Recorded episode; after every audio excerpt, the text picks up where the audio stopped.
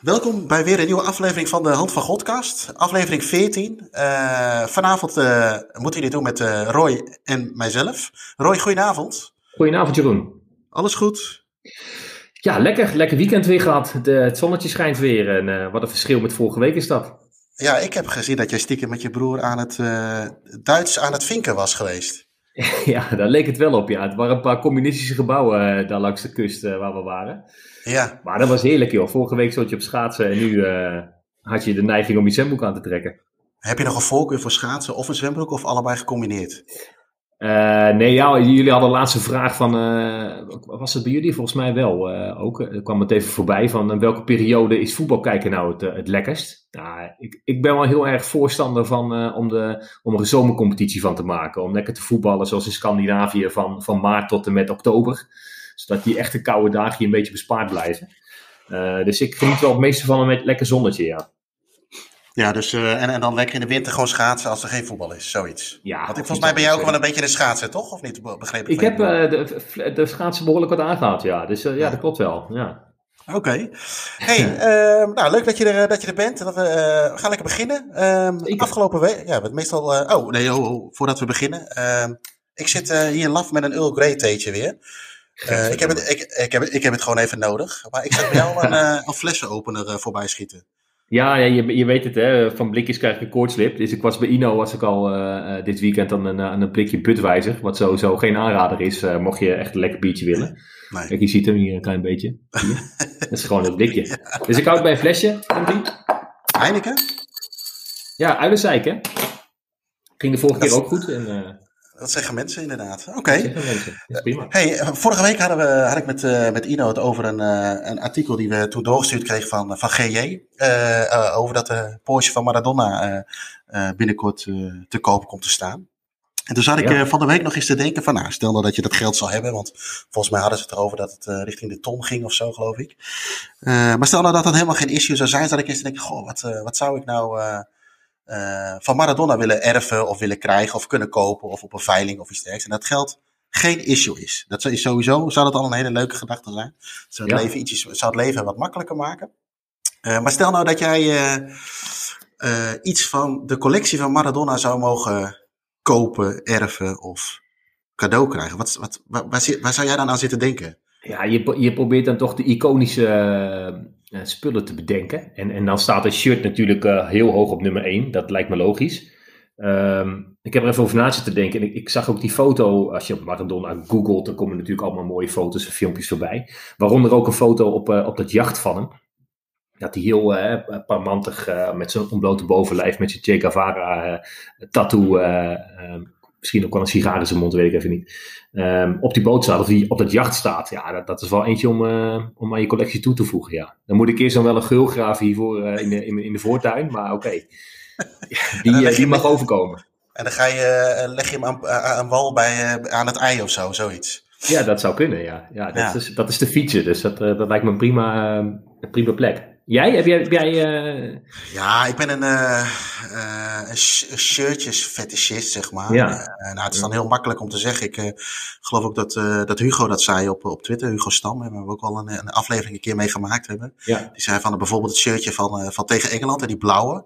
Uh, er zit natuurlijk ook een mooi verhaal aan, is dat dat shirtje daar gekocht is en, en ja. neem opgenaaid is, omdat die andere shirts veel te warm uh, bleken te zijn in Mexico. Uh, nou ja, dat zou één zijn. Maar toen zat ik later denken, ja, ik zou zijn debuutshirtje bij Argentinos Juniors wel willen hebben. Met nummer 16 achterop. Ja. Uh, dat, dat heeft natuurlijk uh, extreem ja, veel waarde en emotionele waarde. Is, is bekend waar dat ligt trouwens? Hebben ze dat in museum, jij bent in het museum geweest van Argentinos Juniors? Ja, uh, ik denk, ik denk, nee, dat moet ik heel eerlijk zeggen dat we daar, uh, dat zouden we Thomas daar eens een keer kunnen navragen of hij daar iets over weet. Misschien wel leuk om even een keer uit te zoeken. Ja. Uh, maar ze hebben daar wel shirts van hem liggen volgens mij, waar je altijd maar moet afvragen of dat ook natuurlijk een, een shirt van iemand is. wat ik van Hugo begreep is dat dat shirt van tegen Engeland, dat hij hem wel gewisseld heeft met een, een Engelse speler. Ik kan hem even niet voor de geest halen. Maar ja, die gozer, Ja, ja die gozer die zal in ieder geval wel in, in, in, in, in, in de kluis hebben liggen. Maar ik denk, toch, ik denk dat toch een shirtje, dat vind ik toch nog wel het, het mooiste. Of misschien een paar schoenen, iets, iets wat hij zelf ja, precies. gedragen heeft. Hoezeer het ook voor de hand ligt, dat zijn wel de spullen die het liefst wil hebben. Ik zat ook nog te denken, jij noemde net het, het blauwe shirt waarin ze speelden tegen Engeland. dus ik, moet, ik bleef even bij blauw hangen. Hij heeft... Um, heb ik gelezen in, in die uh, HEMA in Mierlo, waar jij hem volgens mij uh, ontmoet hebt. Ja. Een donkerblauwe pyjama gekocht. Dat is natuurlijk ook een item die ja. Uh, misschien niet om een ton voor neer te leggen, maar als je die voor een patiënt kan kopen, dan heb je toch wel echt een mooi stukje verzameling. Ja, of in ieder geval dezelfde. Hè? Dat je nu nog naar de hemel gaat, dat je zegt van ik wil die, eh, die pyjama hebben. Ja, precies. Ja, ja. Welke is dat geweest? Dat is misschien wel een mooie zoektocht. nee, ja, dus, dus dat soort dingen. Of misschien iets van vroeger, maar wel iets wat hij uh, wat, wat, wat die, uh, wat die aangeraakt heeft. Of ja, goed, wat bijna een beetje, een beetje vies, zeg maar. Maar ik denk dat dat wel, wel mooi is. Ja, zeker, zeker. Ja, en die, en die Porsche, ja, ik heb niet zoveel met auto's. Dus ik, een ton voor een auto, ja, dat zou je misschien alleen doen omdat hij van Maradona is geweest. Maar anders zou ik dat voor een auto niet ervoor over hebben. Ik echt zonde. Een jacht is misschien een ander verhaal. Nee, nee, daarom. Dus dat is, uh, dat, ja, nee, de jacht kunnen we wel kwijt en de Porsche ja, nee. Porsche niet. hey, wat, wat, uh, waar jij ook uh, van de week even mee kwam, of wat jullie mee kwamen, was ja. ja Panini-albums. Zo, ja. ja ik kwam erop omdat de kinderen hebben eindelijk, zou ik willen zeggen, het, het voetbalalbum vol van, van Albert Heijn plaatjesactie. Ik weet niet of ik deze reclame mag maken, maar ik doe het stiekem toch. Mm -hmm. Jumbo. Jumbo, ja precies. Plus, die, die, hebben, die hebben die rechten allemaal gehad. Uh, nu was het dus Albert Heijn. En ik zeg eindelijk, maar dat slaat natuurlijk eigenlijk nergens op. Want um, daar ga je een beetje terug zitten denken van hoe, hoe deden we dat vroeger ook alweer? Uh, ik heb de Panini-albums hier voor me vanaf het uh, eerste jaar dat ik ze spaarde. Dat was 1987. Ik was toen vijf. Mijn zoontje is nu vijf. Nou, als ik zie met wat voor gemak hij zijn boek vol krijgt. En de moeite die wij ervoor moesten doen om dat Panini-album vol te krijgen, dan, dan is daar behoorlijk wat in veranderd. Um, je kreeg echt stapels vol met je, van de cachère mee dit jaar. Terwijl ja, vroeger was het echt uh, veel ehm, onbereikbaarder. En ik, ik, ik, weet zelf nog, dat, nou goed, met Ino natuurlijk altijd gespaard. dat we van onze moeder altijd een gulden mochten in, het, in de plaatjes spaartijd, zal ik maar zeggen. De gulden van de kar, de, de, de boodschappenkar mochten, eh, om, om, dan bij de informatiebalie twee zakjes te halen. En daar zat er dan in, per zakje vijf in verpakt. maar goed, ik was vijf toen ik begon te sparen. Toen was Ino dus al acht. En die wisten natuurlijk veel beter wie op dat moment een beetje de goede spelers waren. Dus op een gegeven moment viel het mijn moeder toch een beetje op dat ik Ted Troost wel heel vaak had. Of Sjaak Troost, moet ik beter zeggen. En, en Ino toch al met plaatjes van Romario en Van Basten op de proppen kwam. En dat begon, begon, een beetje op te vallen. Dus daar heeft mijn moeder wat voor bedacht. Um, laten we dat uh, hier niet verder uit de doeken doen. Maar ja, het is wel een enorm verschil. Uh, ik zie ook inderdaad een aantal van die boeken, die zijn helaas niet helemaal compleet. Waarschijnlijk omdat de spaartijd er op een gegeven moment wel op zat. Um, maar goed, in het, het, boek van uh, dit jaar van Albert Heijn, nou, ik denk een maandje, toen hadden we hem wel vol. Ja. Ja, ik heb ook het idee dat het bij ons veel langer duurde en dat die, die hunkering naar een nieuw pakje ook veel groter was. Overigens zag ik vandaag een, een tweet voorbij komen dat iemand heeft een, uh, het plaatje van Maradona van het WK 1986, het Panini plaatje te koop staan. 300 euro. Wel geseeld. Dus uh, hij, is, hij, is niet, uh, hij is niet vastgepakt. Dus ik denk dat hij nog te, te plakken valt. Maar 300 euro. Ja. Nou ja. ja. wat dat betreft ben ik net een jaar te laat begonnen met sparen. Ik, uh, ik stuurde vanmiddag wel het plaatje van Maradona door met daarnaast Canija uit het WK plaatjesboek van, van 1990. Nou, dat was een eerste toernooiboek uh, wat ik ging sparen. Met dat, met dat rare ja, soort van Lego poppetje als mascotte.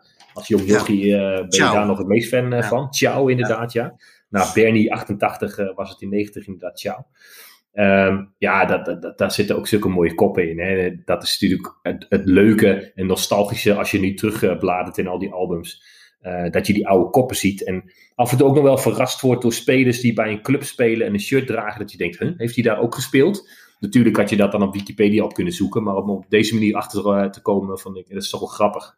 Ja, ik, ik heb ook heel lang gehad dat ik uh, keek naar de geboortedatum van die spelen. En ging ik rekenen. En ik was dan zelf 8, 9, 10 jaar oud. Ja. En ik, oh, ja, die die is al best wel oud. Maar op een gegeven moment kom je, dat merkte ik zelf ook, tot, tot een, een, een, een moment dat je denkt van, hé, hey, kut die, die komt heel dicht bij je eigen leeftijd, zeg maar. En dan word je ook een beetje te oud om plaatjes te sparen misschien. Maar wat, je, wat ik nog wel weet is dat je... Ik, ik moest vroeger, of ik mocht van mijn moeder vroeger wel sigaretten halen. Belinda Lang. Ja, Belinda, ja. volgens mij. Ja. Belinda rood, ja. Nou, dat hebben, hebben onze moeders dezelfde smaak. Ja, dus, dus roken is sowieso uh, ja, al een heel raar fenomeen tegenwoordig. Als je nu rookt, uh, word je al aardig verketterd.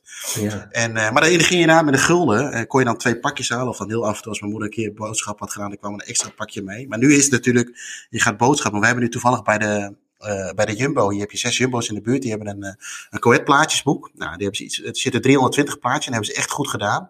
Hele leuke onderwerpen, uh, alle, alle logo's, het, het, opbouw van het stadion, verschillende selecties, mensen die het Nederlands zelf hebben. Het is echt, echt leuk.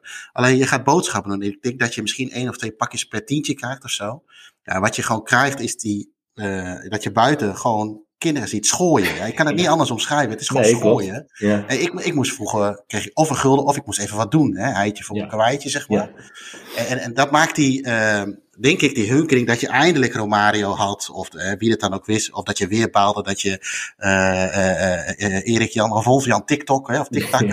Wolf Jan TikTok. Wolf Jan TikTok had. Hè? Je had gewoon een, paar, een aantal van die spelers die je altijd had. Daar baalde je van. En, en daarna ging je gewoon ruilen. En ik heb nu het vaak wat idee van, ja, weet je, uh, we hadden die van de buren kregen ook plaatjes. Nou, dat, dat, dat, was een pakje. Nou, ik heb ze niet geteld, maar dat zullen er minimaal dik 50, 60 alweer zijn geweest. Ja, dus, ja, ja. ja dan ga je kijken. Dus het is een beetje, uh, een beetje consumeren. Kijken welke plaatjes je hebt. Dus die, die, die hunkering is. Dat vind ik wel, nee, klopt. dat vind ik wel jammer. precies, het echte spannende sparen van inderdaad het, het hebben van maar een paar uh, plaatjes per week. Ja, dat, dat is natuurlijk volledig af. Ja, dat is wel zonde. wat ik ook nog grappig vond, als je dan terugbladert inderdaad in die jaren, is dat er natuurlijk sowieso een aantal clubs tussen zitten die niet meer bestaan.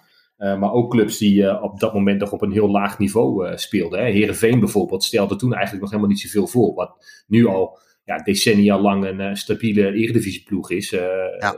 De tijd van degraderen zit er daar al lang op. AZ bijvoorbeeld ook. In 87 zitten ze er nog in. In 88 zijn ze er ineens uit, want ze zijn gedegradeerd. Ik hoop dat ik het jaartal goed zeg. En anders moet Ed de Jong me maar even corrigeren.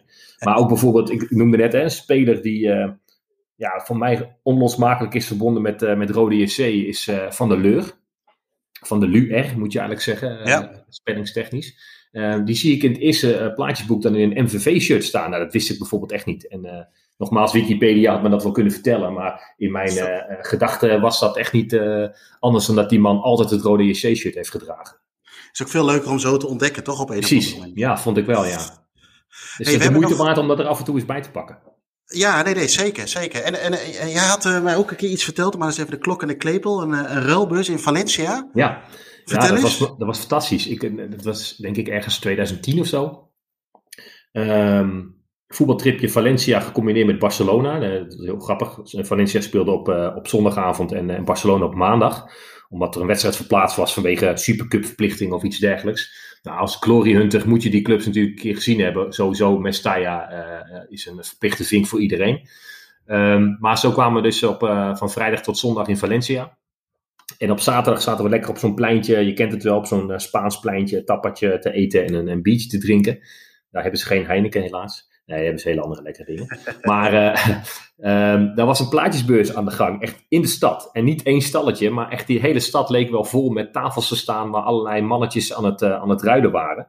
En dat is dus het typische. Het waren mannetjes die aan het ruilen waren. Vergezeld met hun kleinkinderen, maar het vooral opaatjes die echt heel driftig en fanatiek um, ja, de, de, verzameling compleet wilden maken. Zogenaamd voor hun kleinzoon, maar stiekem ja, deden ze daar zelf het meest fanatiek aan mee. Dus nou, dat was dat hebben we een paar uur geslagen. Dat was echt, uh, echt wel heel grappig om te zien. Met, met, ja, je kent het wel, die briefjes met de ontbrekende nummers erop. Uh, en, en, dan bij al die kraapjes langs gaan waar ze ze nog hebben. En uiteindelijk uh, raakte ik met iemand aan de praat daar. En toen bleek het inderdaad het laatste weekend te zijn dat die plaatjes nog ehm, ehm, ja, uitgedeeld werden. Ik weet niet of dat toen ook bij een supermarkt was of bij een sigarenhandel of iets. Nou ja, dat, dat, dat weet ik verder niet.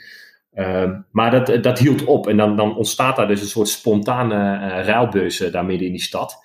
Ja, dat vond ik wel mooi. Daar heb ik toen een paar foto's van gemaakt en, uh, en opgestuurd. Volgens mij de voetbalculture in, in, in die tijd. Ja. Ehm, ja, dat was lachen, ja. En ik, ik weet niet of er vergelijkbare dingen zijn ook in Nederland.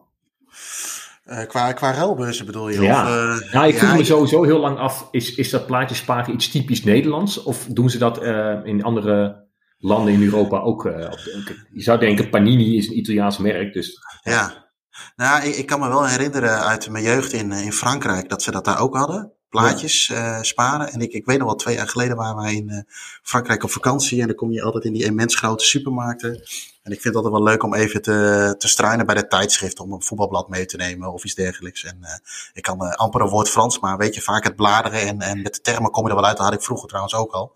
Ja. En dan, uh, dan lees je het gewoon. En je, met je verbeelding kom je een hele hoop. maar toen zag ik inderdaad weer zo'n boekje liggen.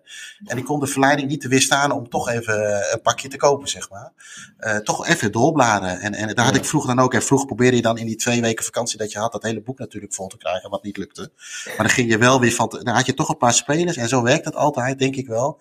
Dan, dan blijf je in de komende twintig jaar, komen die, komen die spelen, kom je een keer tegen. En dan denk je, verdomd, die had ik toen op een plaatje. Ja, zo was mijn allereerste plaatje, uh, Panini plaatje, was uh, Tom Patinama van FC Utrecht. Die heb ik, uh, weet ik nog, op mijn kamer tegen de muur aangeplakt. Met Tom? En ja, en uh, Ton de Kruik, die twee, dat waren mijn uh, twee eerste plaatjes. En toen had ik op dat moment, heel gek dat ook gaat, wel dat ik, hé, hey, dat krijg je deze bijna een zwak voor FC Utrecht. Maar omdat dat gewoon je eerste twee plaatjes waren. ja, zeker. Dat ja, dat is ook wel leuk aan het item wat Jim natuurlijk nu wekelijks doet, hè, de, de vergeten voetballer. En nou ja, Jim die laat daar, daarin ook los dat hij eigenlijk gewoon de, de voetbal um, albums doorbladeren van hey, wat is er met die spelers gebeurd? En daar word je inderdaad wel nieuwsgierig naar. Je gaat ook door het bladeren weer in die albums een beetje terugkijken van hey, wat, wat doet Jos Rosien tegenwoordig bijvoorbeeld, weet je wel? En ja. Dan, kom je ook wel eens op hele leuke ontdekkingen. Dus uh, wat dat betreft kan Jimmy hier nog een tijdje mee door, denk ik.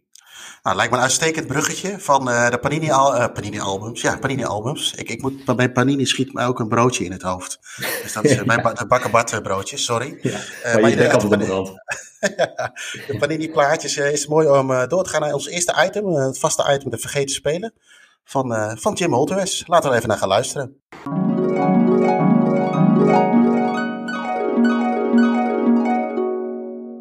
Ik moet dat bekennen ik heb altijd een soort fascinatie gehad voor het matje. In Duitsland noemen ze het ook wel uh, de Vokuhila. Vorne koets, hinten lang. En dat was een, ja, een haardracht wat veel voorkwam in de jaren tachtig.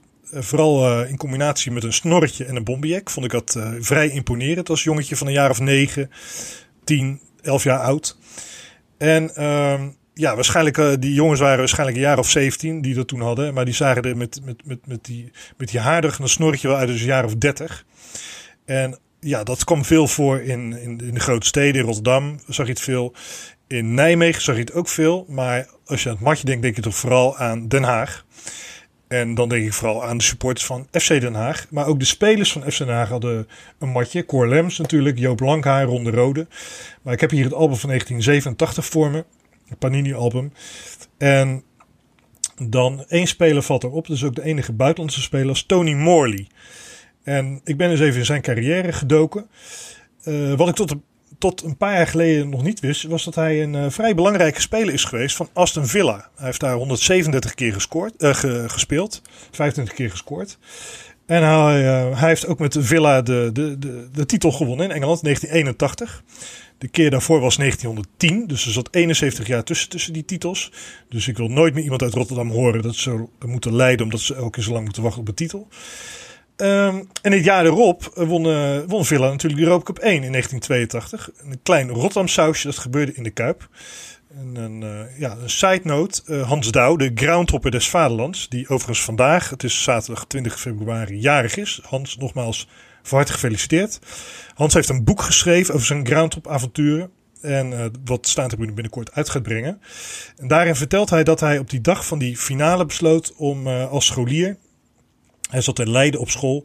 Uh, gewoon naar Rotterdam af te reizen met de trein. Daar aan de kassa kon hij nog een kaartje kopen voor die finale. Nou, kan je je voorstellen, de Champions League finale, dat er gewoon een kas, uh, aan, de, kassa nog kaartjes te koop zijn. En uh, je ziet overigens, als je beelden gaat opzoeken, zie je nog allemaal lege plekken aan de lange zijde. Maar goed, die Tony Moore, die speelde in die finale mee. En daar gaf hij ook een, een fraaie assist, zoek hem maar eens op, op de enige goal die werd gescoord. Dus had een belangrijk aandeel in die Europa Cup. Hij heeft ook uh, zes interlands gespeeld in die periode voor Engeland. En hij heeft de goal of the season gescoord, 1980-1981. En uh, die uh, zal ik nu even laten horen. Met, met, luister maar eens naar het mooie commentaar erbij. Williams.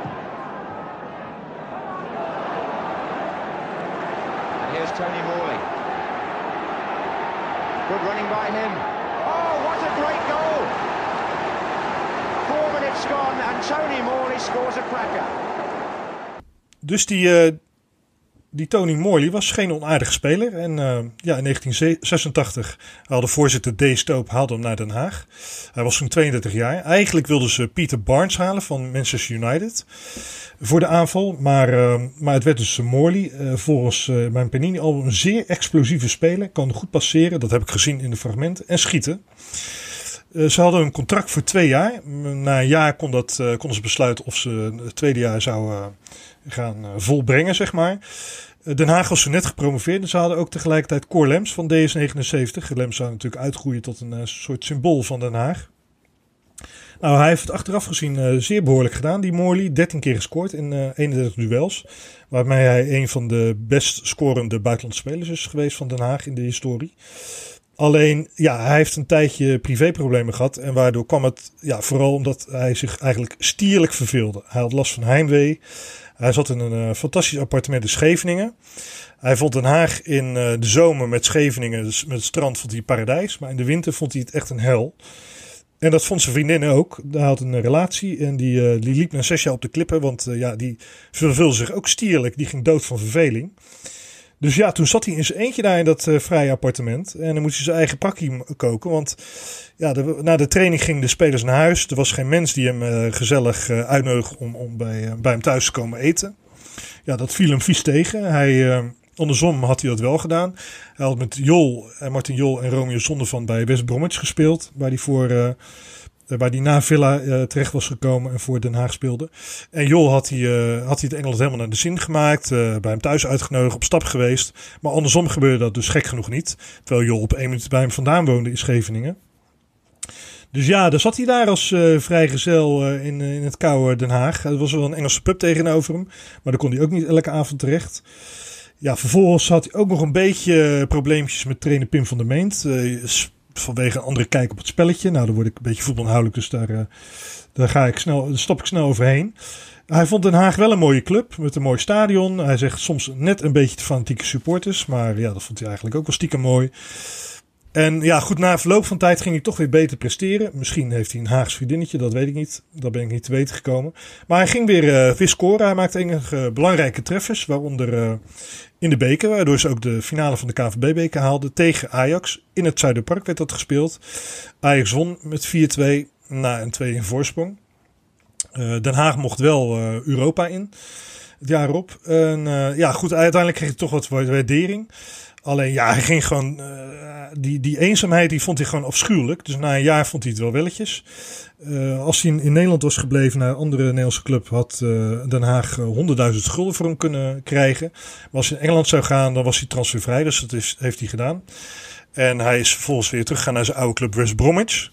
Toen is hij nog uitgekomen op huurbaas voor Burnley. Hij heeft nog even bij Tampa Bay Rowdies gespeeld, zo goed uitspreken, in Amerika. En hij heeft zijn carrière afgesloten uiteindelijk uh, bij Hamron Spartans in uh, Malta. Nou, het is natuurlijk jammer dat we maar uh, een jaartje in Nederland van hem hebben, hem hebben kunnen genieten. Volgens Alfred Schoenendijk, die toen bij Den Haag speelde, was een van de betere spelers met die hij ooit heeft samengespeeld. Maar bij Villa is hij nog altijd een legende. zoek maar eens op op, op internet. Je vindt heel veel filmpjes van hem als Villa-speler. Hij zit nog altijd in het All-Star circuit, zullen we maar zeggen. Hij geeft nog analyses. Het schijnt dat hij nog cricketprof is geweest, maar dat heb ik niks, uh, niks over kunnen vinden. Wat ik wel nog heb kunnen vinden, een klein detail, is dat ze in Den Haag uh, geïmponeerd waren door zijn wasboordje. Hij was gek op buikspieroefeningen. Dus dat is ook nog een, een, grappig feitje wat ik vond. Dus ja, dit was hem weer voor deze week. Volgende week weer een speler van een, van een andere club.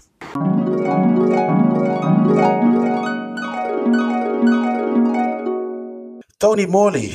Uh, Roy, ik, ik, uh, ik zei dat ook in de app toen uh, Jim het, het ingesproken had en naar mij liet luisteren. Ik had er nog nooit van gehoord.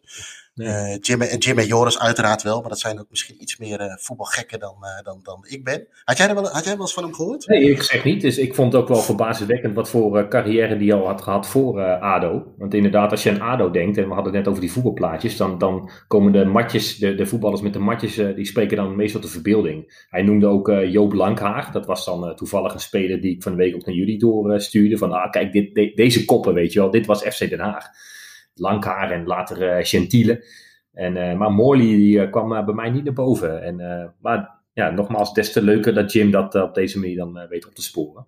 Ja, en, terecht, terechte benoeming voor de vergeten speler. Absoluut. over spelers gesproken die we denk ik allemaal niet vergeten zijn. Ehm, er zijn, waren deze week ook een aantal mensen jarig. geen kleine jongens, om het maar zo te zeggen. Ik zag Enzo, ja, ik zag Enzo Schivo voorbij schieten. Uh, kan ik me nog wel een beetje herinneren van uh, ja, met name het WK in Amerika, denk ik. Ja, absoluut. En België. Ja, een creatieve Belg, die zag je in die jaren niet zoveel. Ja, met, een, met voor mij toen een beetje een bijzondere naam. Maar goed, uiteindelijk als je zijn achtergrond een beetje doorspit, dan is het ook wel weer logisch. Ja. Eddie Achterberg, de Keu. Een beetje voor mijn tijd. ja, maar ook. Ik ken hem ja, de Keu, dat weet je als je Eddie Achterberg hoort. Maar daar houdt het ja. ik zeg wel een beetje weer op. En zo meer ook, uh, ik ken hem ook meer als assistent, zeg maar. Als assistenttrainer. Ja. Uh, Oeh, goede vraag. Van wie was hij altijd assistent? Je had altijd zo'n eenheid. Eddie Achterberg en? Bij Twente? Uh, bij Twente, ja. ja. Fred Rutte niet. Daarvoor al, hè? Ja, nou, moeten we even op terugkomen. Ik ja, denk, Teun, uh, dat... kan ons daar wel bij helpen, denk ik. Ook, ook vast wel. nou, Roberto Baggio, al een keer op de koffer gestaan van de staantribune. Ja. Ook geen kleine jongen. Uh, parenstaatje, uh, bijzondere carrière. Blijkbaar ook een uh, bijzondere voetballer ten opzichte van de rest. En, en natuurlijk, ja, ook onder andere, maar daar doe ik hem waarschijnlijk tekort mee, die misser in de, in de WK-finale. Ja, zeker die penalty. Dat blijft toch altijd beklijven aan, aan hem. Ja. ja, en dat hij zo voorover buigt dat ik denk van die scheurt alle spieren af die hij maar af kan scheuren op dat moment. Ja. maar goed, twee andere grootheden. Willem van Hanegem, 77. Nee. nee. Die, uh, welke wielrenner wordt ook wel de das genoemd? ja, ja uh, precies dat, ja. Uh, 77 jaar oud. En ja, ik denk voor jou een hele bijzondere speler. Jari Liedmanen, 50. Jari Liedmanen, man. Bij het horen van die naam, ik, ik heb, ik heb uh, nauwelijks tot nooit adoratie voor spelers. Of dat ik echt idool ben van een speler. En wat dat betreft vind ik de cultuur eromheen altijd veel mooier dan de spelers die, die maar komen en gaan. Maar Jari Liedmanen, ja, dat is wel. Eh, het is ook heel cliché hè, voor Ajax-supporters. Want het is voor iedereen in de generatie waarin wij zitten. Ik in elk geval als, als Ajax-supporter. Uh, de meest genoemde. Uh, maar terecht. niet alleen vanwege zijn voetbal, maar ja, wat een grootheid, man. En, en inderdaad, 50, dat is natuurlijk ook wel ja, een, een, leeftijd om even bij stil te staan. Uh, voor je gevoel ook pas net gestopt met voetbal. Ja. Volgens mij heeft hij inderdaad tot zijn 41ste uh, doorgespeeld. Ik las nog ja, een mooi feitje, dat, uh, en die wist ik toevallig ook wel, dat hij in vier decennia international is geweest van Finland. Um, hij is al in, uh, in 89 gedebuteerd voor het uh, Finse nationale elftal, dus uh, jaren 80. Nou, jaren 90 en de Zero's natuurlijk ook. En in 2010, misschien zelfs nog wel in 2011, heeft hij nog een interland gespeeld. Dus is daarmee de enige mannelijke speler die in vier decennia voor zijn land is uitgekomen. Maar ja, natuurlijk voor mij vooral bekend uit met name zijn eerste periode bij Ajax. ja, weergeloze speler, maar vooral Ehm, een hele atypische voetballer. Uh, die denk ik, en daar kijk ik jou even voor aan, uh, Jeroen, we zien elkaar op het scherm. Maar um, ik denk zelfs geliefd bij, uh, bij voetbalsupporters van andere clubs. Nee, ja, wij, ja, nou ja, weet je, ik denk dat supporters van andere clubs altijd wel een lijstje hebben van welke spelers van Ajax er niet uit kan staan. Maar ook vooral een lijstje van hey, die gasten die trek ik wel, zeg maar. En ik denk dat Jari Liedmanen en bijvoorbeeld uh, Dennis Bergkamp is denk ik ook wel een beetje zo'n voorbeeld.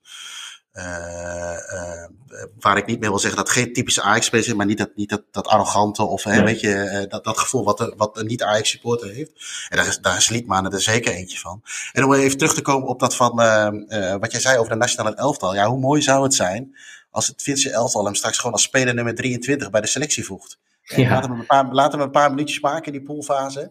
Ja, dan, gewoon om eh, de vijfde decennia, decennium erop ja. te voegen. Ja, ja. En, want, dat is net zo'n, uh, voor je gevoel, zo'n Ryan Giggs, zeg maar. Ja, nee, zeker. minder elftal dan, dan Garrett Bale nu om zich heen heeft. Maar dat is ook zo iemand die nooit een eindtoernooi gespeeld heeft. Nee, klopt. Ze waren, ze waren heel dichtbij, uh, volgens mij 96. Uh, dus precies wedstrijd tegen Hongarije, meen ik. Dat ze er echt heel dichtbij waren. En een, echt een enorme knullige tegengoal kregen vlak voor tijd, waardoor ze het niet haalden. Uh, en, en de, maar goed, dat, ergens vind ik dat en natuurlijk niet mooi, dat is verkeerd gezegd. Maar daardoor is Liedman het nog veel meer dan andere spelers een mythe. Bij PSV noem je natuurlijk ook heel snel Romario. Maar ja, die ligt zo voor de hand. En die heeft natuurlijk internationaal eh, grote successen gehad.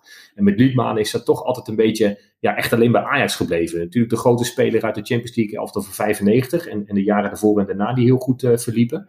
Maar uh, echt groot internationaal zijn mensen denk ik al een beetje vergeten. En dat is in Nederland ondenkbaar. Zeker voor Ajax supporters. Waar ja, ik woon hier uh, op Steenworp afstand van de arena vandaan. En ik hoor uh, veel uh, kinderen om, om, ons heen die hier wonen met de voornaam Jari. Nou, dat beperkt zich niet alleen tot Amsterdam, denk ik, maar mm -hmm. heel Nederland. Je ziet het ook bij andere clubs. Gisteren voor Emmen scoorde Jari Vlak. Nou, ongetwijfeld vernoemd naar Jari Liedmanen. Nou, kortom, echt de meest populaire speler van, van die tijd. Maar ik denk nog steeds dat het nou, sowieso de, de meest geliefde buitenlandse speler ooit is bij Ajax. Uh, Patterson komt er heel dichtbij, ook bij mij wel. Misschien nog net iets te jong voor, maar Patterson is ook wel echt een, eh, een, ook een soort mythisch figuur. En dat, dat heeft ook te maken met de, de periode na zijn tijd als voetballer. Jij noemde denk ik net heel terecht Bergkamp, wat natuurlijk ook een sieraad is qua voetballer. Maar die als, als trainer of als assistent toch een beetje van zijn voetstuk is afgevallen. Dat heeft Van Basten ook, dat is jammer. Ja. Uh, waardoor je Van Basten nooit meer echt voor het echte Ajax-icoon of de voetballer aanziet die die was. Maar eigenlijk altijd uh, ja, de beschimping van zijn trainerscarrière hebt. En ja, dat, dat klinkt dan heel tegenstrijdig. Maar ik hoop dat uh, Liedmanen altijd die mythische figuur blijft die er nu is. Een beetje ja. de luwte. En, en af en toe, één keer per jaar meestal, dan, dan is hij ineens in de arena. En dan, dan wordt hij in beeld genomen. En dan gaat het hele publiek voor hem staan en applaudisseren. En dan is het weer Liedmanen, wow. Um, wat ook een heel slecht lied kan, uh, is voor heel veel andere spelers. Maar juist voor liedmanen juist wel heel mooi. Een beetje tikkie bescheiden. En dat wow-ho, dat, dat, dat, dat, klinkt dan een soort adoratie uit vanuit het publiek. Die heel terecht is. Dus ja, ik, ik kan hier een hele podcast over vol lullen. Dat ga ik niet doen. Maar ja, liedmanen, dat is echt... Uh, in Deventer ja. zongen we wel eens uh, vanaf de B-side, uh, Jari is een Eskimo. Dat vonden wij ook heel leuk op dat moment. Ja. Maar dat was meer, ik denk meestal als mensen een liedje over jou uh, zingen van de tegenpartij, dan is dat alleen maar een compliment. Ja. Hey, heb, je, heb je hem wel eens een keer ontmoet, tijdens of na zijn carrière? Ja, ik heb hem wel eens ontmoet. niet één op één of zo, maar ik ben onder andere na zijn, naar de documentaire geweest van The King. De King Liedman. Toevallig werd hij vanochtend op Ziggo Sport uitgezonden. Ik heb daar een klein fragment nog van gezien, maar ja, dat zijn dan van die momenten die wil je dan koesteren en om ze er eigenlijk daarna nooit meer terug te kijken. Ik, het ja. was, uh, die ging in de première op het ITVA in Amsterdam, uh, een paar jaar geleden, in Tuschinski. Daar zat hij in de zaal en dan is het ook zo'n ja, benaderbare man, zeg maar. Hij, hij, hij voelt zich helemaal. Het is, het is een atypische voetballer, die, die altijd een beetje afstandelijk zijn van het publiek. En Jari zit daar als Jari en, en, en ja, die beantwoordt de vragen die hem gesteld worden. Die, die heeft alle tijd voor foto's en handtekeningen. Uh, ja, uh, gevat en, en, echt, echt humor ook. Een heel, uh, hele grappige gast. Zonder daarin door te slaan. Weet je wel? En die van de Meiden was ook een grappige gast, maar daar kan je af en toe ook al aan irriteren. trouwens, en die ja. van de Meiden en Liedmanen noemen in één item. Dat, dat mag eigenlijk niet, maar je snapt wat ik bedoel, denk ik. Zeker niet qua humor, denk ik. Nee, nee. ik, ik zag trouwens ook nog dat, wat, wat, dat Um, dat fragmentje heb ik vanochtend dan eventjes uh, gezien bij die uh, documentaire The King. Die ik dus eigenlijk niet weer wilde terugzien, omdat die in Tuschinski al zo gaaf was. Maar ik, uh, ik, ik, ja, kwam, ik stuit op dat fragment bij de wedstrijd Turkije-Finland. Enorme cliché heksenketel natuurlijk in, -huh. in mhm. Turkije. Waar Liedmanen echt een lof kreeg van het Turkse publiek. Ik denk dat dat echt zelden voorkomt. Want meestal wel, ja. Uh, ja als er een speler heel goed presteerde, wordt hij met muntjes bekogeld en met van alles en nog wat in Turkse stadions. Maar Liedmanen en het publiek van Turkije die omarmden elkaar. En hij gooide zelfs het shirt het, uh, het publiek in als, als, als bedank voor, uh, als dank voor uh, de ereronde die hij kreeg. Dus ja, dat, dat maakt Liedmanen dan ook los bij, bij supporters. Dus ja, ja, niks dan lof. Nee, dat, dat, en denk ik ook terecht. Uh, weet je trouwens uh, wie, uh, tegen wie Liedmanen zijn debuut maakte in de meer? Tegen wie? Go ahead. Godverdomme zeg, in één keer. Ja, ja. ja inderdaad, 3-1. ik, ik, ik, kwam er toevallig tegen, ik wist het niet uit mijn hoofd, maar ik denk dat het wel een leuk feitje. Ja, nee, ik, doe, ik doe graag mee in voetbalquizjes. Dus dit zijn inderdaad van die vragen die ik altijd wel paraat hoop te hebben. Oké, ik moet volgende keer met iets zwaarders komen, heb ik al wel door. Maar... Uh, wij kregen ook nog een vraag van, van nu twijfel ik een beetje of het Rick of Richard Eckhart is. vaste luisteraar van de show overigens, bedankt voor je input weer. Maar hij vroeg aan mij van als ik moest kiezen tussen Jari of, of de Kromme of Willem van Hanegem, waar mijn voorkeur naar uit zou gaan. Ja, ehm, ik denk dat dat op zich wel een beetje makkelijk is. Ik heb Van Hanegem nooit zien voetballen. Ik, uh, ik ken, uh, en de, dus ik heb zijn grootheid eigenlijk nooit kunnen zien. Ik ken natuurlijk wel de verhalen, je leest de verhalen ook. Nou ja, natuurlijk afgelopen, vorig jaar januari waren we natuurlijk bij, of februari waren we bij Estudiantes, tegenstander van in de Wereldbeker. Dus dan hoor je ook een beetje over over hem, dat ze hem ook een prachtig voetballer vonden. En, en, om zijn hardheid en zijn intelligentie. Uh, maar goed, ik, ik moet ook bij Van Hanegem vooral in eerste instantie denken, maar dat is meer mijn eigen ervaring, is aan die wissel. Ik, ik was bij die wedstrijd in, de, in Avero tegen Tsjechië. Ja. Dat uh, Bosveld erin kwam voor Robben. En dat Van Hanegem een dag later heel quasi nonchalant zegt, nee, de volgende keer krijgt hij een tik. Hij had hem op dat moment maar een tik gegeven. maar goed, dat is, dat is uh, ja. uh, dat was het moment. Dus dat, dat, dat neemt niks af van zijn grootsheid wat mij betreft. Maar ja, ik heb jaren, ik, ik heb natuurlijk gewoon zien voetballen. En ik heb het ook in de vorige podcast wel eens benoemd. Ja, dat zou een van die voetballers zijn die je zelf gewoon graag in je team zou willen hebben. Onder, even los van of die, erbij, of die in de speelstijl past of iets dergelijks. Maar wat jij precies zegt met zijn karakter. Hè, weet je, hij kijkt wat nors, maar het is gewoon, denk, eh, gewoon een hele normale jongen. En ik heb, hij heeft het enigszins bij Liverpool een beetje goed kunnen maken. Was hij wel, uh, ook nog wel regelmatig. Hij was populair daar, hè? Ja, maar ook denk ik, ik denk elke Scandinavië bij Liverpool die is. Uh, ja, weet je, nou, laat ik het anders zeggen. Scandinaviërs passen zich gewoon. Nu weet ik niet trouwens of Finland onder Scandinavië valt, maar in ieder geval alles wat daarboven ligt, uh, die passen zich snel aan. En, en, ik denk, als je dat kunt, je spreekt de taal goed. Nou, weet je, ze spreken hier snel Nederlands, ze spreken natuurlijk vrij makkelijk uh, Engels. En dat helpt enorm in het aanpassen en het, het geaccepteerd worden, denk ik. En ik denk dat hij. Uh, ik, ik, ja, weet je, laat ik het even anders noemen. Ik denk dat, ik ga heel even snel denken. Uh, Codetti, Slatan, dat zijn een beetje de outcasten van, uh, van, van, van, van dat soort type spelers uit die regio. Voor de rest zijn het allemaal redelijk normale jongens, denk ik. Ja, zeker. Ja, het, het, dat noem ik ook gerne. Met Patterson bijvoorbeeld. Ik, uh, ik zei de, de, de, meest geliefde buitenlandse speler bij, bij die twee. Maar ik denk zelfs als je de Nederlanders erbij telt. Ondanks dat Ajax natuurlijk een club is die pretendeert hè, vanuit een goede jeugdopleiding altijd eigen jongens op te leiden. Jongens uit de eigen uh, regio. Natuurlijk hebben die altijd een streepje voor. Maar Liedman en Patterson, die, uh, die hebben dat ja, bijna overstegen, denk ik, eh, voor heel veel spelers. Ik, ik kan er niet snel spelers noemen die die, die populariteit kunnen benaderen. Even los van de, de, de, spelers uit de jaren 70, die ik inderdaad ook niet bewust heb meegemaakt. Natuurlijk zal Cruijff en Hulshoff dat ook hebben. Rijkaard, jaren 90 natuurlijk nog wel, 80 en 90. Um, maar inderdaad, jij zei het ook uh, met, met hè? De, sympathie bij, uh, bij de tegenstander. We hadden het in de vorige podcast ook al even over spelers die je misschien in je eigen elftal zou willen. Nou, dan kom ik toch nog even terug uh, om, om jou te paaien op, op Luc Nielis. Dat was eigenlijk een beetje een vergelijkbaar type, denk ik, qua speelstijl.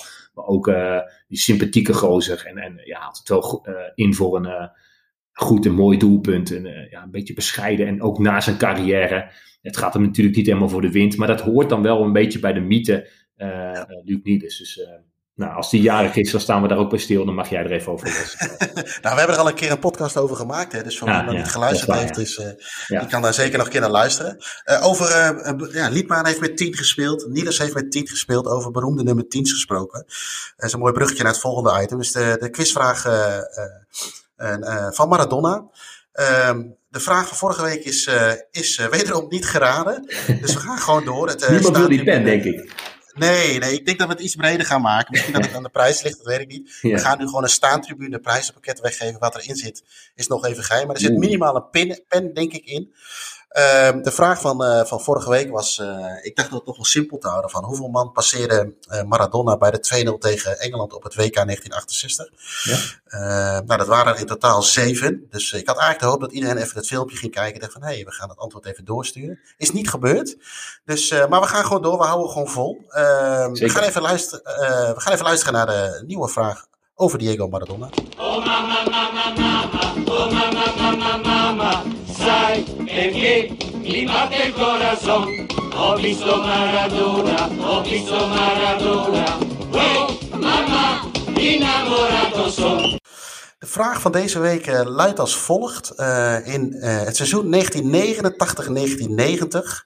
won Napoli voor de tweede keer de Serie A. Ze hadden op dat moment een, een beroemde voorhoede, een, een gevreesde voorhoede, voorhoede, waar natuurlijk Maradona er één van was. De vraag is, hoe werd die voorhoede wel genoemd? Ja, nou je hebt natuurlijk in, bij Barcelona had je natuurlijk met Messi, Suarez, en Neymar. Neymar, hoe werd die ook alweer altijd genoemd? MSN. MSN bijvoorbeeld. Nou, dat, is een klein, dat is een kleine hint hiervoor. BBC toen bij Madrid, hè? Ja, BBC is ook een hele andere term in een ander segment. Maar goed, voor dat even. dat Misschien moet je wel vragen. Ja, ja, het feit dat jij al lacht zegt al, heel, zegt al genoeg. nou, mocht je het antwoord weten op deze vraag, stuur een mailtje met jouw gegevens en het antwoord uiteraard naar podcast.staantribune.nl. Oh mama, mama, mama, oh mama, mama, mama, sai perché mi batte il corazon. Ho visto Maradona, ho visto Maradona, oh mama, son. Uh, zonder het antwoord weg te geven, uh, want jij hebt het antwoord misschien al wel gezien in het draaiboek. Uh, wist jij dit?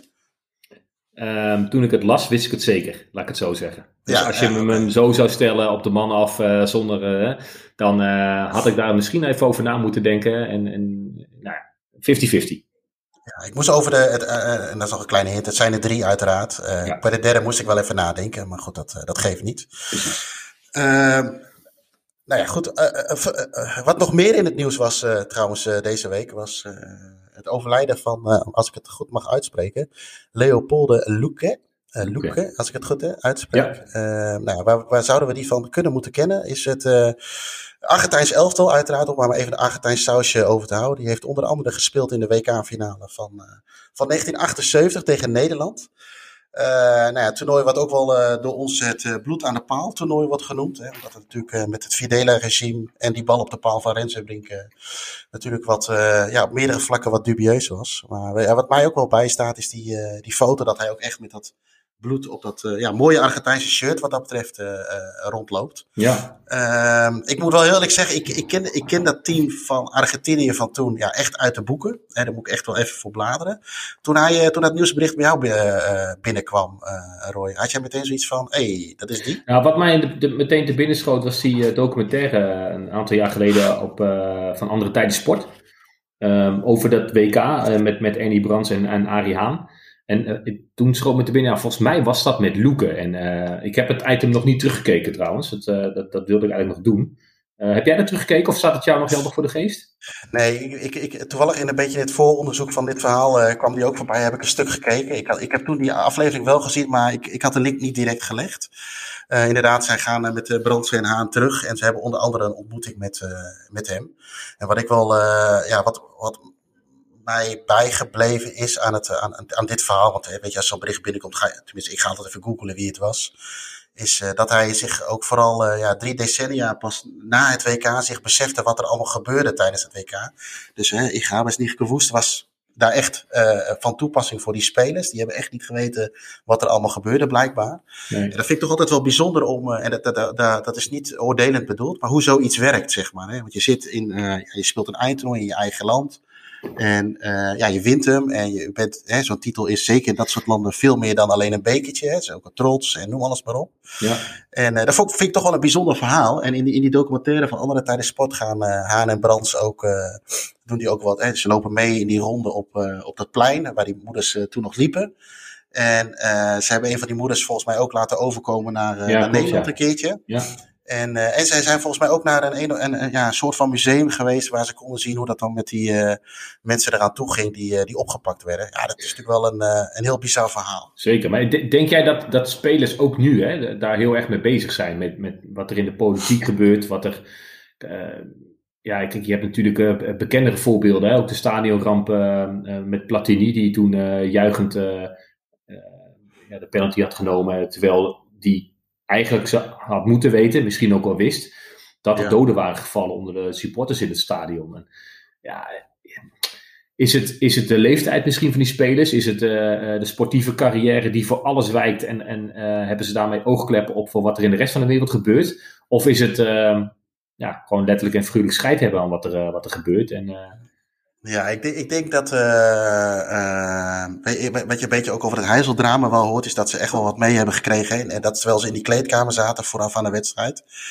maar ik, ik, denk dat toen zeker de impact nog niet zo goed beoordeeld kon worden, denk ik. Dat is een beetje een aanname, want ik kan me bijna niet voorstellen dat het je niet koud zou laten als je onderdeel bent van zoiets. Dus stel nou dat jij een Platini bent en je weet wat er gebeurd is en je scoort de winnende. En dat je dan op die ja, weet je, dan zou je misschien wat nederig moeten zijn. Maar, maar goed, ik heb geen idee of dat ook bij hem zo was. Kijk, Platini is natuurlijk ook achteraf gezien één grote boef gebleven, gebleken.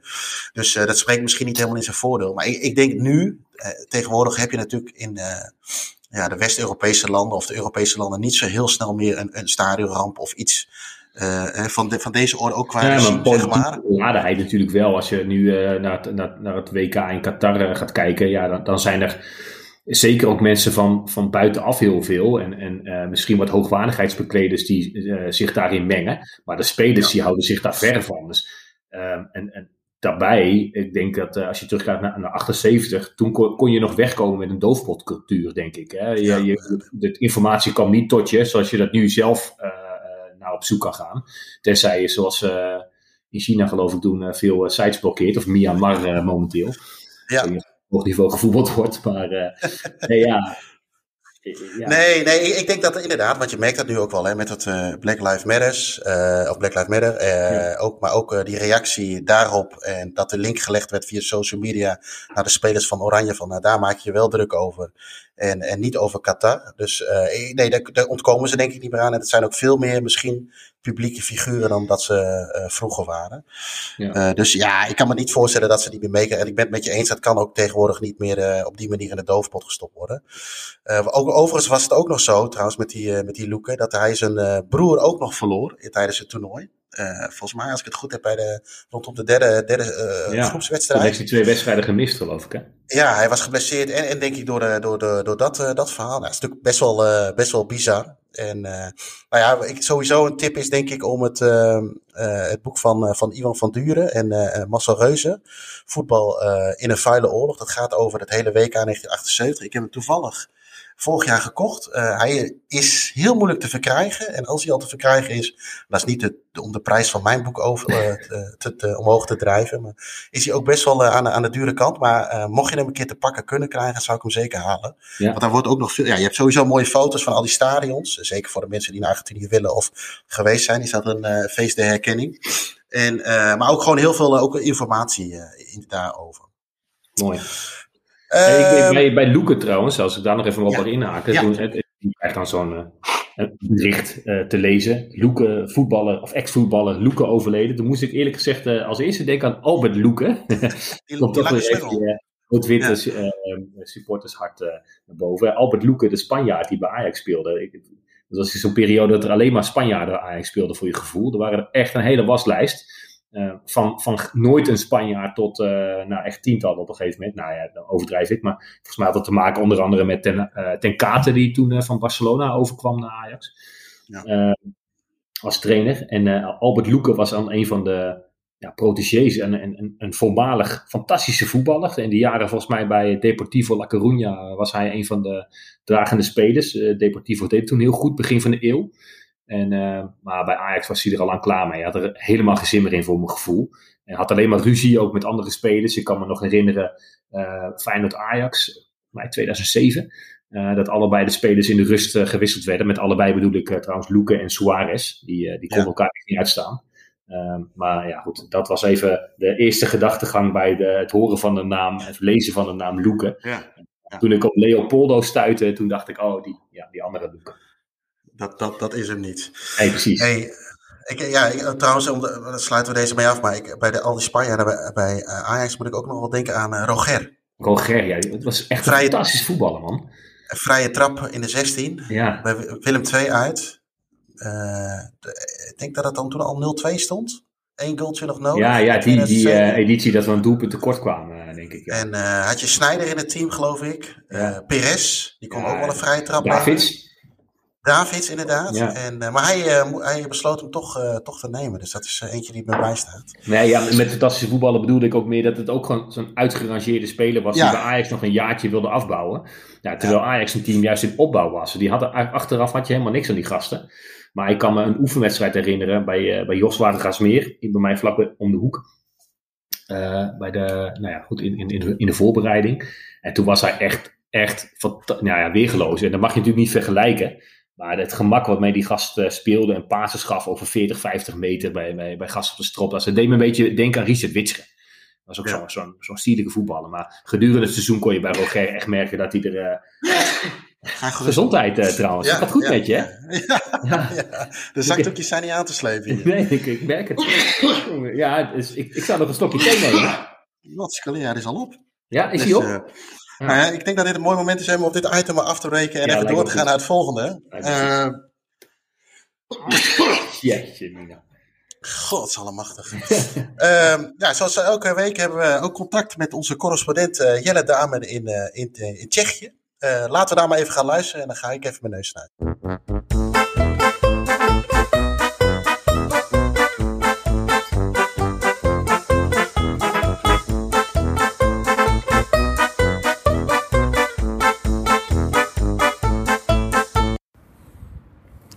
Jeroen, goeiedag. We doen het maar weer even op deze manier.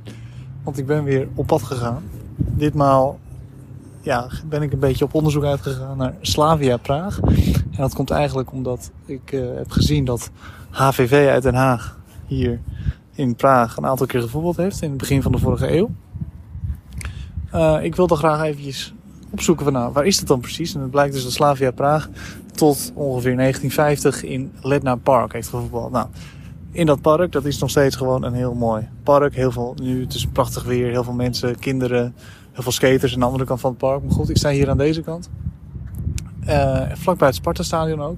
Hier zou, als het goed is, HVV tegen Slavia Praag moeten hebben gevoetbald. Het kan haast niet anders. Um, er is hier helemaal niks wat daar eigenlijk nog op wijst. Maar het zou dicht bij de watertoren moeten zijn. Nou, die watertoren heb ik gevonden. Er staat wel weer een flatgebouw voor. Maar in, ja, daar vlakbij moet hier uh, ja, dat stadion zijn geweest. Uh, vanaf begin 19e eeuw speelden ze daar. Um, tot ongeveer 1950. Dus, nou ja, dat, uh, en HVV heeft daar dus in 1905 en in 1907 hè, hebben ze op hun reizen hier, hebben ze, ja, hebben ze hier gevoetbald. En twee keer, of volgens mij wel drie of vier keer, hebben ze dan tegen elkaar gevoetbald in totaal. En al, alle keren won Slavia. Slavia is ook nog één keer naar Den Haag gekomen. En toen won HVV Den Haag wel, gelukkig. Um, en ja, het is wel gek, uh, omdat ja, ik vind het wel jammer dat er helemaal niks over staat. Want als ik de berichten moet lezen hè, op de website van Slavia Praag ook, moet ik heel veel vertalen van Tsjechisch. Maar dat uh, kan gelukkig uh, allemaal met Google Translate. Uh, dan, dan zie je toch wel dat dit echt wel een heel mooi stadion was. Alleen ja, daar moesten ze toch weg uiteindelijk. Eerst in 1945 is het door de Duitsers is het, is het afgebrand of iets. Dus nou ja, dat, daar waren ze niet blij mee. Maar toen hebben ze het wel, in drie jaar tijd hebben ze het weer ja, een nieuw stadion hier gebouwd. Alleen ja, toen was eigenlijk vrij snel van ja, dat ze hier toch weer weg moesten. Om een of andere reden. Um, maar ze hadden juist een hele mooie nieuwe houten tribune. Dus wat hebben ze gedaan? Hebben ze die houten tribune hebben ze eigenlijk ja, herbouwd of meegenomen naar een ander deel van de stad. Om daar dan een nieuw stadion te bouwen. Ja, eigenlijk uh, is dat het voor nu. Ja, ik kwam erop omdat we dus uh, ja, bezig zijn met een... Uh, of tenminste, we gaan een podcast maken over HVV Den Haag. omdat dat vroeger een hele grote club was. Dus nou dat komt binnenkort in een van de podcasts, denk ik. Hè? Goed, dat was het vanaf hier. Fijne podcast nog en we spreken elkaar.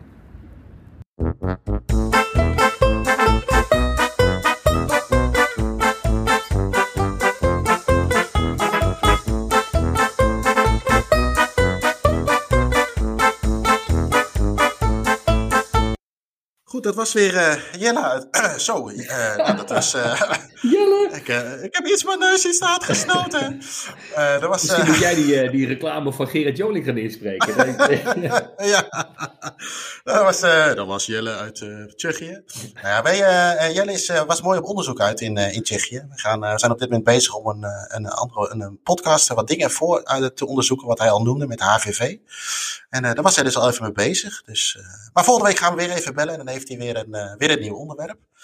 Um, dan is het mooi tijd, denk ik, uh, Roy, voor de, voor de vragen van de luisteraars. Kom maar door. Uh, we hebben er een paar weer doorgehad. Waarvoor dank. Uiteraard weer altijd leuk om er wat interactiefs in te houden. Ehm, een vraag uh, van, en dan ben ik net iets te enthousiast geweest om zijn naam weg te halen, maar dat gaat eigenlijk over, ik zal hem even citeren. Uh, ik denk dat we allemaal wel van een uh, goede Piro houden, maar, of Piro of Pyro, ik zeg altijd Piro trouwens, ja. op zijn Nederlands. Maar is de Piro niet zijn waarde aan het verliezen nu? te pas en te onpas, ieder moment maar wordt aangegrepen om een Piro te houden. Zoals nou bij een ME, RKC, na Cambuur, training van Feyenoord, et cetera. Met andere woorden is de overkill aan Piro niet het failliet van de Piro. Niet alles hoeft per se cult te blijven of is aan bepaalde groepen voorbehouden, maar ik zie het wel te veel op dit moment. Ja, nou ja ik, ik, denk, en dat zegt hij zelf ook wel even, uh, uh, ja, het heeft natuurlijk ook een beetje te maken, denk ik, met de tijd. Van, hè, met corona, dat je veel uh, supports toch op een bepaalde manier willen laten weten dat ze er toch zijn. Door veel vuurwerk af te steken buiten staan. Die wil je laten zien en dat kan bijna alleen maar op die manier, ja. Ja, en of dat dan te, of dat dan te veel is, ja. Uh, ik weet niet, ik, ik, ik, ik, ik ben er niet zozeer een voor- of een tegenstander van. Ik heb in het verleden wel eens een, uh, een podcast gemaakt met uh, mijn mede-host toen Las en met Michael van Praag. De laatstgenoemde was een vrij fel tegenstander van vuurwerk in het stadion.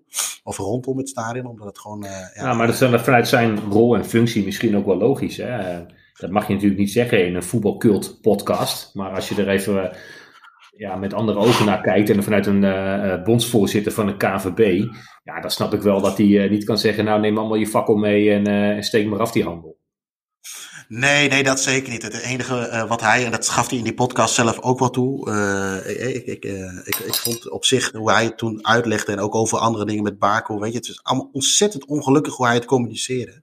En daar zit zijn ja. grote probleem in. En inderdaad, vanuit zijn positie snap ik het. Dat van Baku overigens niet. Nee. Want dat is puur vanuit de plusje zetel bekeken. Maar uh, zijn uitleg zoals hij die tweet toen bedoelde en over dat vuur. Denk, nou oké. Okay. Maar hij zei zelf ook wel, uh, ja, weet je, ik heb gewoon niet genoeg aan 280 karakters.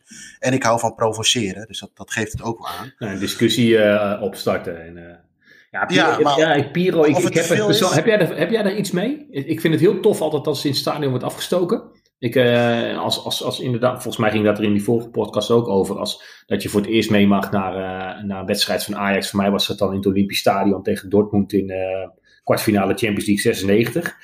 Toen noem je het trouwens ook nog gewoon het Bengaalse vuurwerk. Piro is natuurlijk een term die de laatste jaren is ingeslopen. En ja. daar moet er ook heel fanatiek zo mee gezwaaid worden van, van onder naar boven. Terwijl ja. in mijn herinnering had iedereen zo'n fakkel gewoon keurig netjes boven zijn hoofd nou ja, keurig netjes weet ik niet, maar dat, dat gaf natuurlijk al een fantastisch mooi plaatje. Um, ja, het is, het is misschien ook een beetje een generatieding om, om uh, met die dingen te gaan, gaan zwaaien. Wat er nogmaals indrukwekkend, om de woorden van, uh, van Praag maar even te herhalen, uitziet. Um, maar ja, om dat te pas en te onpas af te steken, ja, ja ieder, ieder, moet het op zijn eigen ja, ik, ik, denk ook wel een beetje dat het een generatie, dat noem je terecht een generatiedingetje is. Uh, wij zijn toch uh, de, ja, inmiddels de, tenminste ik ben de 40 gepasseerd. Ja. Uh, en zijn we toch iets anders opgevoed. Ik ben bijvoorbeeld opgevoed op de B-side. Er lag er zo'n grote Chinese mat aan de voor, voorzijde bij het hek. En dat werd dan afgestoken en dan uh, piepte je oren nog uh, twee minuten na. Dus dat was een heel ander type uh, support. en dat, dat, zie je ook veranderen in, in de manier. Hè? Ook met trommels en met megafoons en met grote vlaggen. Ja, weet je, ik, ik, ik ben zelf meer een beetje van het reageren op een wedstrijd. Ja, exact. Zeg maar in Engeland. Precies. en wat ik wel een beetje heb, is dat... Uh, dat het soms voor gevoelsmatig een beetje ja, vooral voor de mooie plaatjes en ja. voor de likes op social media. Precies, je kan voor de fotoverslagen. En, uh, ja. ja. Terwijl het spontane uh, is er een beetje af. En dat, dat, dat, ik denk dat dat ook wel in de vraag omschreven staat. Dat dat, dat de overkill is. Uh, van kijk ons is. Wij doen ook een, een steuntje voor, weet ik veel, de trainer van Emmen die, die, het, die het moeilijk heeft.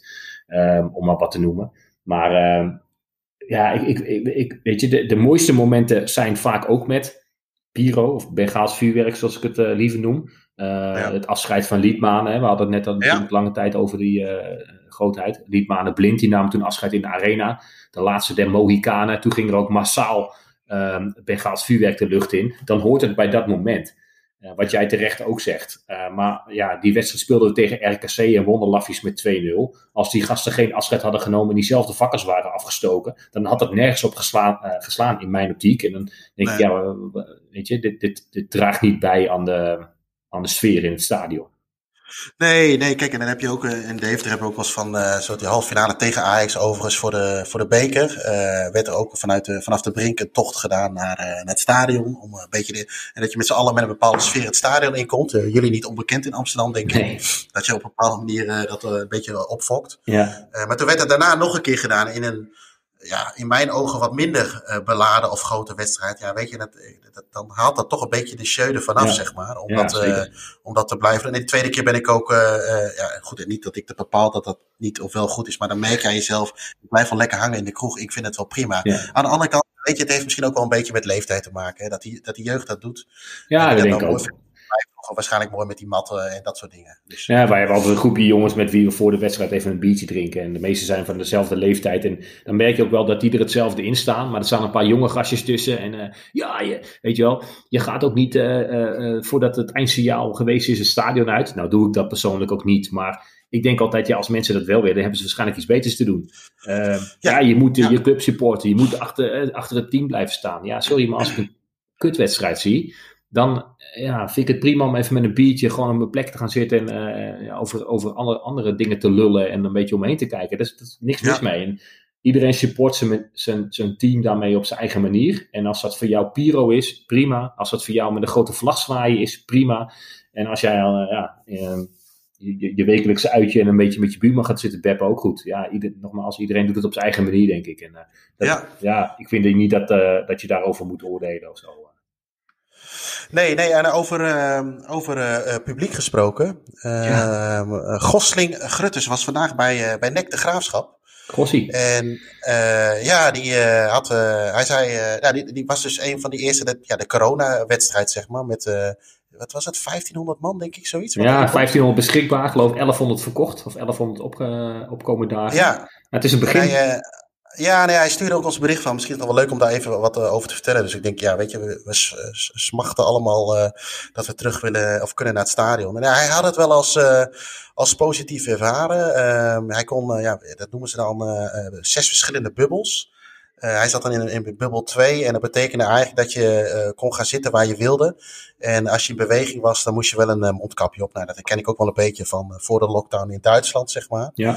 En het was hun verteld dat ze het horecapunt alleen voor de wedstrijd open zou zijn en in de rust. Maar dat was bij hun de hele wedstrijd. En nou, dat zal misschien ook wel met wat testen te maken hebben. Want of ze als je dan wat zonnetje erbij hebt en je kan er ja, je kan nou ja. bier halen, dan is het niet, niet verkeerd.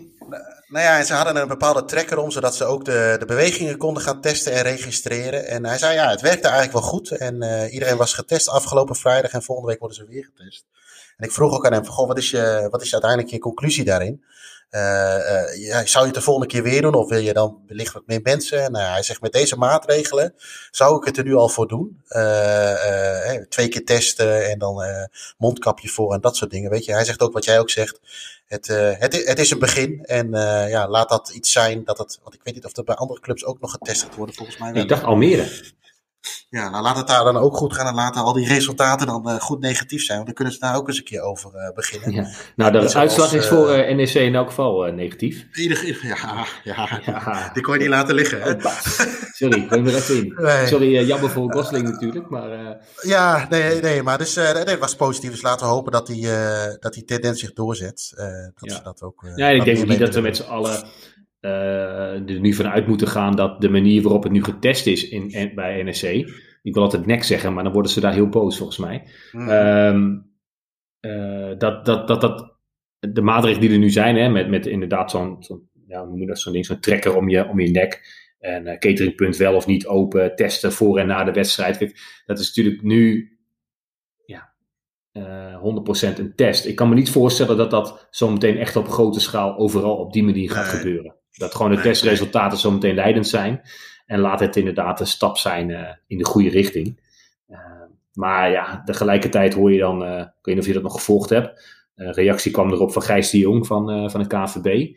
Dat een van die, volgens mij is hij ook OMT-lid, zo'n viroloog, al had gezegd: Nou, we moeten er maar geen rekening mee houden dat er in 2021 nog met een vol stadion wordt gespeeld. Ja, dat is natuurlijk wel een klap in het gezicht voor iedereen die er zo hard mee bezig is. Dus dat is ja. wel echt zonde dat die deur nu al uh, lijkt ja. te worden dichtgesmeten.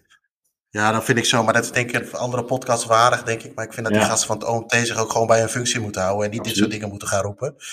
En uh, hey, zullen we, ik, ik heb nog, ik heb denk ik nog wel even één leuke vraag hebben we nog gekregen van Danny Hooyer. Die vroeg ons van, is het misschien leuk om een keer een podcast te maken over de top 10 amateur derbies?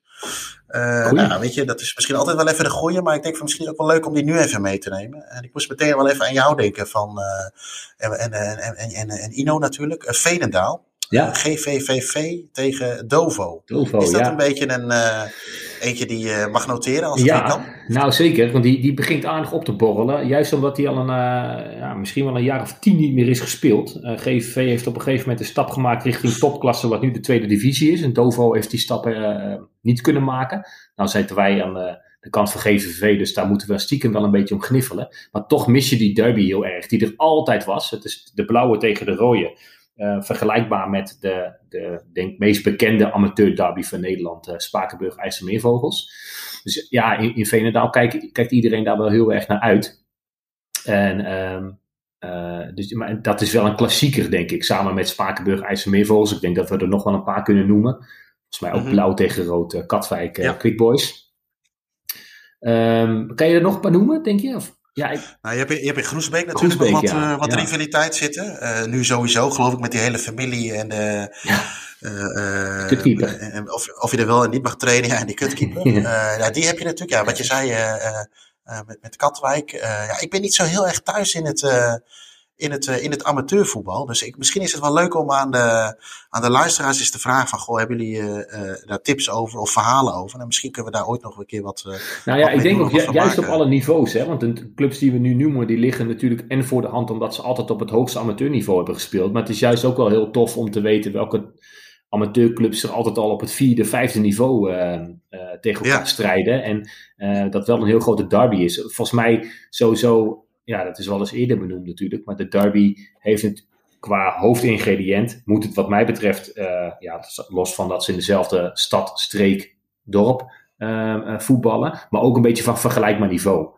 Weet je wel, je, je kan ook niet spreken van een derby tussen Excelsior en Feyenoord. Die twee clubs die liggen weliswaar in dezelfde stad, maar het niveau tussen die twee traditioneel gezien is zo groot dat, dat dan telt die term niet. Uh, maar inderdaad, het is wel een goede om, uh, om te kijken naar uh, clubs die en van een vergelijkbaar niveau zijn, traditioneel gezien ja. ook. Ja. En inderdaad in hetzelfde, liefst hetzelfde dorp. Echt zo'n zo'n dorpsderby. Ja. Dat, ja, wij, wij, wij, ja, wij hebben hier in Twello hebben we wel drie, of nee, nu, nu zijn er twee verenigingen, twee zijn er gefuseerd. maar je had hier altijd nog wel voorwaarts tegen Klarenbeek. Nou ja, dat is steenworp afstand paar kilometer, denk ik. Dat was altijd wel een dingetje. En, uh, maar goed, dat, dat is uh, een iets ander niveau. Dus uh, laten we kijken of onze luisteraars ons daarin. ja, dan moeten er veel meer kampen, denk ik. Of ja. niet? Dat is ook een beetje bij jou in die contraien. Zit ik dan een beetje. Oh. Ja? Oh, ja, dat is meer richting, richting, richting Zwolle en zo. Oh, zeg maar. ja. Jaap, Stam aan, Jaap Stam aan het water met Harry Ja, maar daar had je ook altijd twee vrij grote clubs volgens mij. Go Ahead Kampen en DOS. En uit mijn hoofd. DOS Kampen, ja. ja. volgens mij ook. Ja. Ik weet niet dus, of dat er een is, uh, maar nee. kunnen uh, de mensen in den landen misschien uh, ja. insturen. Um, even de afsluiten voor deze week, Roy. Um, Europees voetbal is weer begonnen. Ja. er komt een nieuwe opzet van de Champions League en de Conference League. Nou, ik weet niet of dat. ik denk dat we het daar niet per se direct over hoeven te hebben. Maar ik had wel zoiets. misschien had hij dat met Ajax en Lille ook. BSV moest in, ja, in Griekenland spelen. Uh, het, waar, dat is toch eigenlijk wel de kerst op de taart die, uh, wil je heen, dan mist, zeg maar. Ja. Ja. Had, had jij zoiets dat je voor de tv zat van... Uh, ik moet heel eerlijk zeggen, ik heb de wedstrijd niet gezien, want ik had andere verplichtingen. Maar ik, weet je, na zo'n voorbus... Wat zeg je? Je moest thee zetten. Uh, bijvoorbeeld. Nee, nee, nee. Ik had wat andere dingen met, uh, met Go Ahead. Uh, ja. Maar ik, ja, weet je, na zo'n aanleiding lees je een beetje de voorbeschouwing. En, en dan zit je toch een beetje te fantaseren. Weer. Piraeus, ja, een beetje zo'n voorstadje bij Athene. Haven is het, Havenstad is het volgens mij geloof ik, of niet? Nou ja, daar had ik wel eens een keer heen gewild. Het, het stadion, het publiek. Ik ben, ik, ik ben één keer bij Panathinaikos geweest in 2004, denk ik. En dat vond ik wel een hele mooie ervaring. en dat had ik graag wel willen voortzetten. Dus... Nou ja, misschien uh, uh, hopelijk, uh, ja, het blijft een beetje in herhaling vallen wat dat betreft. Maar hopelijk kan het volgend seizoen weer. Maar, ja, inderdaad. Kijk, Liel ook, ja, dat, dat zijn wel de tripjes die, die relatief goed te bereizen zijn. Hè? Of ja, relatief, gewoon echt goed te bereizen zijn. naar Rijssel, zoals het in België mooi ja. op de borden staat. Ja. Um, dus dat is goed te doen. Best wel een leuk stadje ook. Mooi, nou ja, nee, modern stadion, laat ik het zo zeggen. Maar je kijkt altijd op het moment dat er uh, zo'n affiche de koker komt. Hoe groot is het stadion? Dus oftewel, heb ik kans om überhaupt een kaartje te kopen in het uitvak? Dat is altijd een enorme run op, die, op die kaarten. Als je gewoon via de normale weg aan kaarten wil komen, dan is het gewoon, cliché gezegd, één grote loterij. Ja. En met Liel heb je dan wel wat extra kans, omdat daar ja, volgens mij 3000 man normaal gesproken naartoe mag. Ja, dan, dan is de kans wat groter dan dat je in een wat kleiner stadion speelt. Maar ja, ik denk wat jij ook wel bedoelt, is het, het, leeft vooraf zo weinig. Doordat je die spanning niet hebt van ik ben in een uitvak of ik, nou ja, als je niet gaat, ik sta in een volle kroeg. Of, uh, ja. Ja, en, nee, dat, inderdaad, het is heel erg hopen op, uh, op betere tijden wat dat betreft. En uh, dat er dan maar een paar mooie affiches uit mogen rollen. Nee, inderdaad. Uh, ik, ik denk dat het mooi is dat we er een eind aan breien, Roy. Ik denk niet dat we volgende week al kunnen zeggen dat we, overigens sowieso bij PSV moeten eerst maar eens doorkomen, maar dat we in de volgende ronde al kunnen zeggen dat we erbij zijn. Maar wellicht hopelijk volgend seizoen weer. Over volgende ronde gesproken, volgende week spelen wij tegen elkaar, Jeroen. Zag ik net. Super Sunday komt er weer aan. Ja, dan gaan ze natuurlijk weer enorm hypen, terwijl de competitie natuurlijk al lang gespeeld is. Ja, nou goed, eh, in Amsterdam uh, zijn er genoeg doemdenkers hoor, die uh, bij één verliespartij volgende week al meteen in de stress schieten. Dus, dus, ehm, dus, eigenlijk moeten Ino en ik hem volgende week na de wedstrijd even opnemen, dat is het beste. Ja, hoe laat is die wedstrijd? Kwart voor vijf volgens mij hè? Dat denk ik wel, ja. Ik denk dat, die, dat, dat de laatste is. ik, ik wens je sterkte. Komt helemaal goed. Um, we willen onze luisteraars weer bedanken voor het luisteren uiteraard. Uh, voor het insturen van de vragen. Mocht je zin hebben, laat eens een recensie achter uh, bij onze podcast. Het is altijd leuk om te zien uh, wat jullie ervan vinden. vragen, tips, opmerkingen kunnen allemaal gestuurd worden naar podcast.staantribune.nl. En dan rest ons jullie niks anders te wensen dan een, nog een fijne avond. Of, nee, oh, dat zeg ik helemaal verkeerd, want jullie luisteren deze maandagochtend. Fijne dag. Fijne week. En we gaan afsluiten met de fameuze woorden van Ed de Jong. Dat was hem weer, snuiters. Tot volgende week. Fantastic.